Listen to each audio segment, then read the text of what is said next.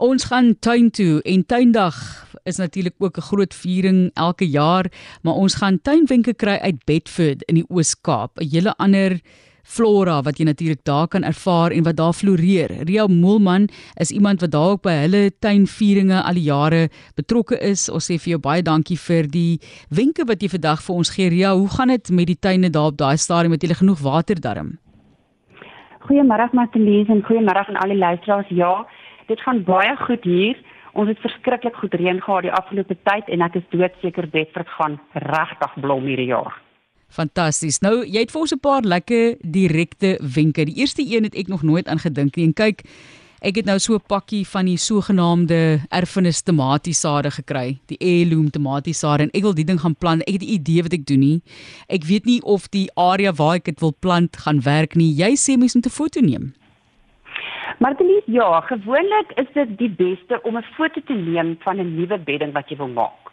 En dan neem jy dit saam na jou kwekery toe. En jy kan natuurlik nou die pakkie saad afneem en jy kan dit na jou kwekery toe vat en dan kan jy vir die personeel daar vra hoe moet jy maak en hulle kan vir jou voorstel hoe moet jy dit plant op die etiket agter sal vir jou verduidelik wat moet jy doen en wanneer jy dit moet doen en as jy die pakkie omdraai dan sal jy altyd sien daar is 'n boontjie en 'n sonnetjie en die seisoen en hoe ver die goed uitmekaar uit moet gesaai word. Maar ja, so jy neem 'n foto van die bedding waar jy dan die saadjies wil insit nadat jy daai inligting wat op die pakkie is gedoen het en dan um, kan jy net vir jou kwekery vra want hulle sal vir jou sê ehm um, al jy wys die foto en dan kan jy net vir hulle sê dit is op hierdie deel want die mense dra gaan vir jou vra waar kom jou son op en waar gaan jou son onder. Goed, ons het nou daai onder die knie, nou gaan ons tuin toe. So voordat jy natuurlik dit nou doen, moet jy eers kies wat pas daar, so wat werk daar, wat is endemies, uh, wat is waterslim byvoorbeeld? Maar jy moet plant wat by jou omgewing en die styl van jou huis pas, gewoonlik. Jy gebruik ook net maar elemente uit jou omgewing uit om struktuur in jou tuin te gee en op dié manier vorm jou tuin uh van jou omgewing 'n een eenheid. So jy bring basies die buitekant bring jy binne toe. Ek gebruik natuurlik nou rivier uh, rivierklippe van allerlei groottes en mooi stompe wat ek kry in die veld en rivierloope want ons bly hier gelukkig tussen die berge in die Baviaansrivier in Bedford waar daar baie daarvan is struktuur is iets wat mense altyd aan dink nie, nê? Ek ek weet daar's ander mense wat nou byvoorbeeld daaraan dink. Ek dink hier daaraan nie. Ek dink nie in terme van struktuur nie. Ek sien net daar's ons grondplant iets daar. Ek hou van hoe dit blom of nie blom nie of is 'n struik of hoe dit ook al sê. Daar's baie interessante dinge wat mense eintlik kan doen in jou tuin om dit interessant vir jouself te maak en 'n plek te maak wat jy wil besoek.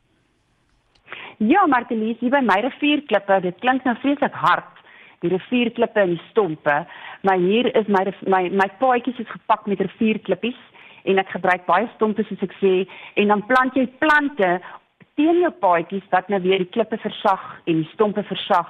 Ek gebruik natuurlik 'n kliptema deur my hele tuin want my huis is op 'n klipfondasie gebou, so die kliptema gaan dwars deur my hele tuin. Dit was klipterrasse jare gelede en hier is nog klipterrasse, maar hulle loop nou van hoog na laag en so ek gebruik die klip tema deur my hele tuin. So ek bring letterlik die buitekant binnekant toe. Ons gee tuinwenke in hierdie tyd van die jaar wanneer mens eintlik nou al moes plant seker, maar jy daar's nog tyd om te plant uh, vir die somer en vir wat voorlê, so dis 'n goeie tyd nou. Maar Ria, jy sê voorbereiding is die belangrikste deel want ek ek sit en kyk net 'n stuk grond so en dink ek ek gaan nou sommer daar plant en dan vind jy laterand uit dit daar is nie eintlik grond diep onder nie, is eintlik maar 'n vlak grondbedding wat daar geplaas is en daar's 'n sak onder dit in en jy weet die grond moet dan seker ook weer mooi bevrug word. Daar's baie om aan te dink eintlik. Martelies, ja, 'n mens moet jou grond baie goed voorberei. Wanneer jy iets plant, hoe deegliker jou voorbereiding is, hoe beter sal jou plante groei. Ek sê altyd, net as 'n voorbeeld, spandeer R50 aan die voorbereiding en aan die gat waarin jy jou plant gaan plant en spandeer R5 aan jou plant. En op 'n skaal daarvan is dit baie belangrik om jou grondvoorbereiding reg te hê sodat jou plant baie goed sal vaar. Altyd met skêr in die hand? Maar dit is ja, jy gaan nooit, dit is 'n goue reël. Jy gaan nooit sonder 'n snoeiskêr by jou deur uitklein toe nie. Daar is altyd iets wat jy wil afsny en iets wat jy nie dadelik doen nie en jy vergeet dalk daarvan. Sodoende kan jy nou die hele struik of dalk jou baie duur plant kwyt wees. Wat kan 'n mens in daai grond gebruik? Jy sê altyd ou kraalmis. Nou dink ek myself, jy weet, jy's in die middel van die stad. Waar gaan jy dit kry? Ek is seker natuurlik by die plekke wat die plante verkoop, sal jy dit kry. Jy kan nou hoor hoe min weet ek van 'n tuin, hoor. Dit is nou baie duidelik. Maar Belies, ja, jy moet nou maar ehm um, na jou naaste kwekery toe gaan en hulle het nou vir jou die potgrond wat jy dan nou maar kan meng. Maar dan moet jy ook jy mense sny hulle gras en dan gooi hulle daai gesnyde grasnysels net so skoon in die beddings en woordswart staan alles nou sommer skoon in die jaar nadat die gras gesny is. Dit is nie reg nie. Hulle moet ou verrotte grasnysels gebruik. Alles wat oud is, moet gebruik word. Jy gebruik ou houtas en die ou kraalmes, die ou verrotte grasnysels en alles wat oud is, die ou houtas, dit voed jou grond, maar dit beskerm ook jou plante se wortels teen koue maande. Plantplante met dieselfde waterbehoeftes. Ek het bietjie vroeër verwys na waterslim plante. So gee vir ons 'n idee byvoorbeeld ook wat in die Oos-Kaap waterslim is. Martelies, jy plant altyd plante met dieselfde waterbehoeftes bymekaar. Anders kan jy ehm um, die verskillende plante het verskillende waterbehoeftes en as jy nou te veel van van die plante meng en jy plant plante met minder waterbehoeftes saam met plante wat meer waterbehoeftes het, dan kan jy ook natuurlik jou plante verloor. Hier waar ons nou is in hierdie area, is daar wel vetplanttuine wat natuurlik nou baie droogtebestand is. Dit is mense wat nie baie water het of gehad het in die droogte tye op hulle plase nie en ons was bevoorreg van ons tuine om nog water te kon gehad het en dan is ons varkore en ons rose en ons behounis en allerlei struike is nog steeds baie baie mooi.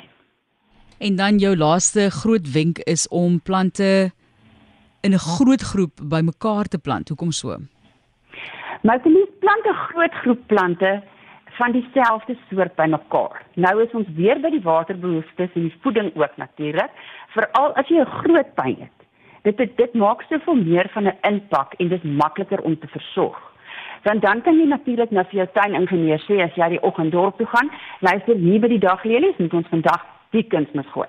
So dan weet almal almal is op dieselfde bladsy en elkeen kan weet wat moet gedoen word op watter kol.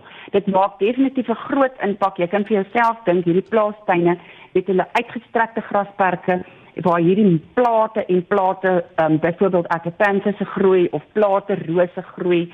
Byvoorbeeld hier by my is nou die rose tuimel hier oor 'n klipmuur. So en irisse byvoorbeeld voed jy dan ook want as al jou plante soorte bymekaar is, dan weet jy presies wat om waar te gee. En wat plant jy tans of nus jy? Ek daai woord kan gebruik tans in die Oos-Kaap. Maar lief, ek was by Nampoka hierdie jaar en vir die eerste keer in my lewe waag ek dit om dahlias te plant.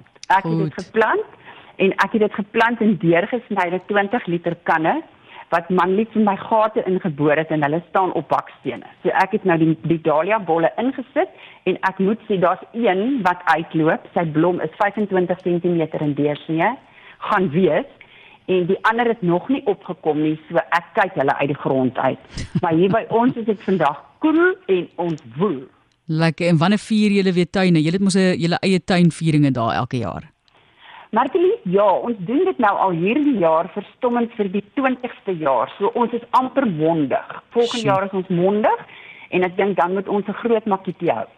Ons is nou die 20ste tot die 22ste Oktober, dit is dan komende naweek en dan weer die 3de tot die 5de November het ons weer ons oop tuine wat ons beskikbaar stel. En ek sien hier vandag se dubbeldoor tema is oorvloed.